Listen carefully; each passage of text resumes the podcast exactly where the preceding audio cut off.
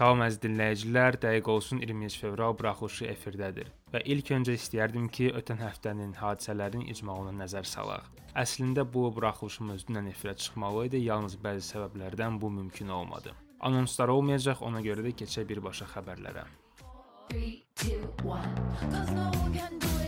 1 Deməli başlayaq Texasdan. Texasda bu həftə nə baş verib?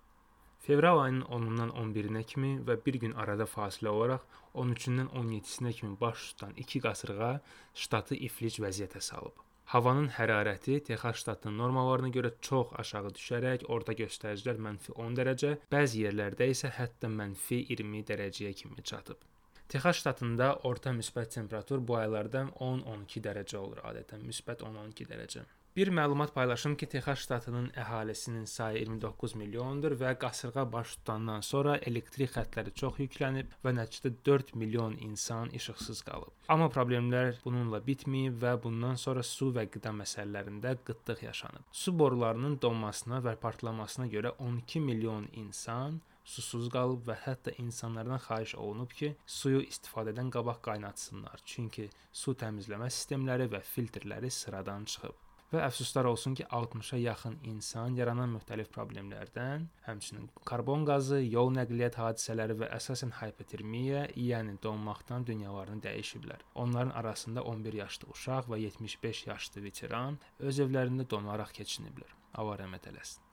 Klimatoloqların dediyinə görə Texas öz tarixində ikinci ən soyuq qışı yaşayır. Ən soyuq hava hərarəti üzrə rekord isə fevral ayının 12-si 1899-cu ildə qeydə alınmışdır. O zaman havanın hərarəti bəzi yerlərdə -30-a qədər düşmüşdü. Ötən həftə baş vermiş soyuqları bir çox alimlər artan qlobal istiləşmə ilə əlaqələndirirlər və prezident Bayden Texasda fövqəladə vəziyyət elan edib. Növbəti xəbərimiz Mars haqqında olacaq. Deməli bu xəbəri artıq ötən 21 fevral buraxılışında işıqlandırmışdım və bu haqqda çox danışmayacağam. Maraqlananlar dinləyə bilərlər. Qısaca olaraq demək istəyirəm ki, Amerikanın kosmik agentliyi NASA-nın Perseverance adlı rover aparatı 2020-ci ilin iyul ayında yer planetini tərk etmişdi və bu ilin fevral ayının 18-də uğurla Marsa enmişdi.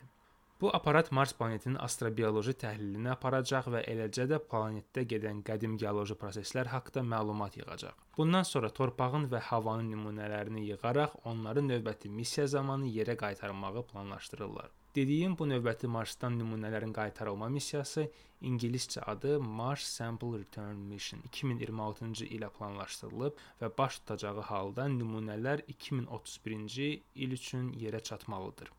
Nəzərinizə çatdırım ki, bu vaxta qədər yalnız 7 aparat Marsa göndərilib. Bunlardan ikisi Mars 2 və Mars 3 aparatları 1971-ci ildə Sovetlər tərəfindən göndərilmişdir. Mars 2 planetin üzərinə enən zaman qəzaya uğramışdı, amma buna baxmayaraq Mars planetinə enən və insan tərəfindən yaradılan ilk obyekt idi. Əlbəttə ki, konspirologiya nəzəriyyələrini nəzərə almasaq, çünki onlar iddia edir ki, 100 min illər öncə əcdadlarımız Mars planetində sakin olublar. Mars 3 aparatı uğurla enmişdir. Bu da 1971-ci ildə baş vermişdir, amma ilk 15 saniyədən sonra əlaqə kəsilmişdi.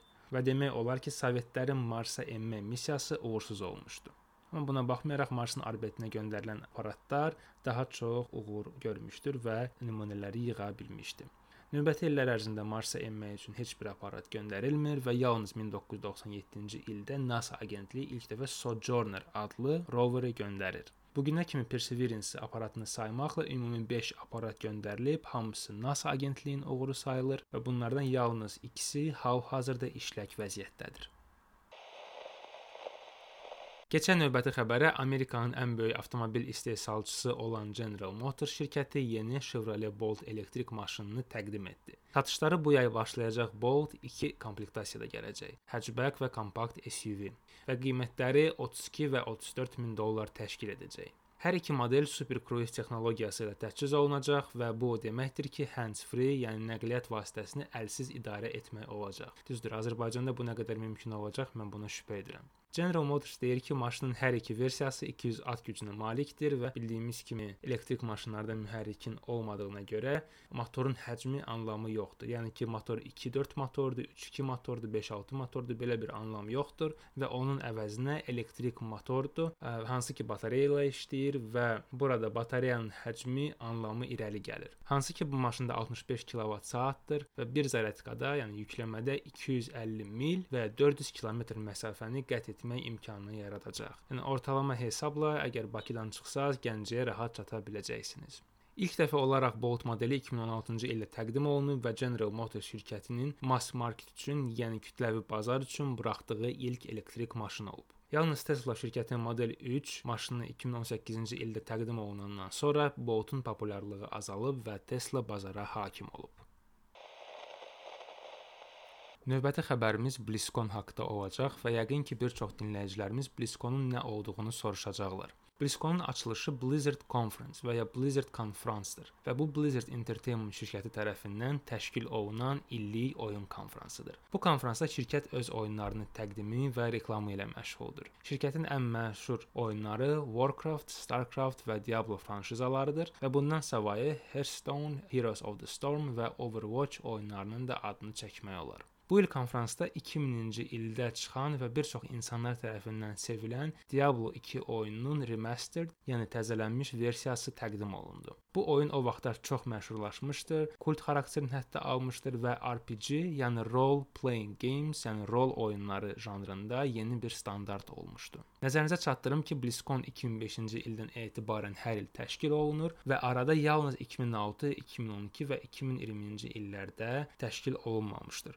Öncəki illər haqqında bir məlumatım yoxdur, yalnız 2020-ci ildə pandemiya ilə əlaqədar ləğv olunmuşdur. Bu il BlizzCon onlayn formatda olduğuna görə BlizzConline adı verilmişdir. Adətən konfransa girişlər 200 dollar civarında olur, amma əsl fiziki konfrans olmadığına görə bu il konfransa virtual giriş pulsuz idi və Blizzardın saytında bütün konfransı izləmək olardı. Artıq bir çox videoları YouTube-da da tapa bilərsiniz. Ümumiyyətlə COVID-19 pandemiyası göstərdi ki, əhəmiyyətli olan bir çox təşkil olunan konfranslar və başqa eventlər, yəni hadisələr virtual formatda təşkil oluna bilər və gələcəkdə əsasən də dünya pandemiyadan çıxandan sonra bir çox hadisələr hibrid formatda, yəni həm fiziki, həm də virtual formatda təşkil olunacaq. Və sonuncu xəbərimiz Kim Kardashian haqqında olacaq. Hamımızın tanıdığı erməni əsilli məşhur sosial persona və influencer Kim Kardashian yoldaşı Kanye West-dən boşanmaq qərarını verib və artıq bunun üçün rəsmi müraciət də olunub.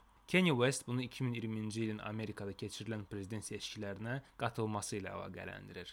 Kampaniya zamanı bir çox açıqlamalar, həmçinin Kim Kardashianla olan ilk uşağını abort etmək istədiyini söyləmişdi. Kim buna çox qəzəblənmişdi və Kenny belə bir şey söyləyə biləcəyinə inana bilmədiyini demişdi.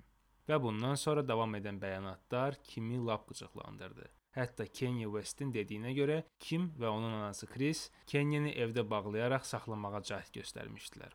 Ötən ilin yay aylarında Kim Kenya haqqında Twitterdə yazaraq bildirmişdi ki, o gözəl, yalnız mürəkkəb bir insandır və bundan savayı artist və qaradərili insan olduğuna görə hər zaman təzyiq altındadır. Eləcə də ağrılı yaşadığı anasının itkisi və bipolyar pozuntusu onu əlavə təzyiqlərə məruz edir. Cütlük 6 il evli olub və evlilikdən 4 uşaqları var. North, Saint, Chicago və Psalm. Əziz dinləyicilər, bu günlük bu qədər. Növbəti buraxılışda görüşmək ümidi ilə.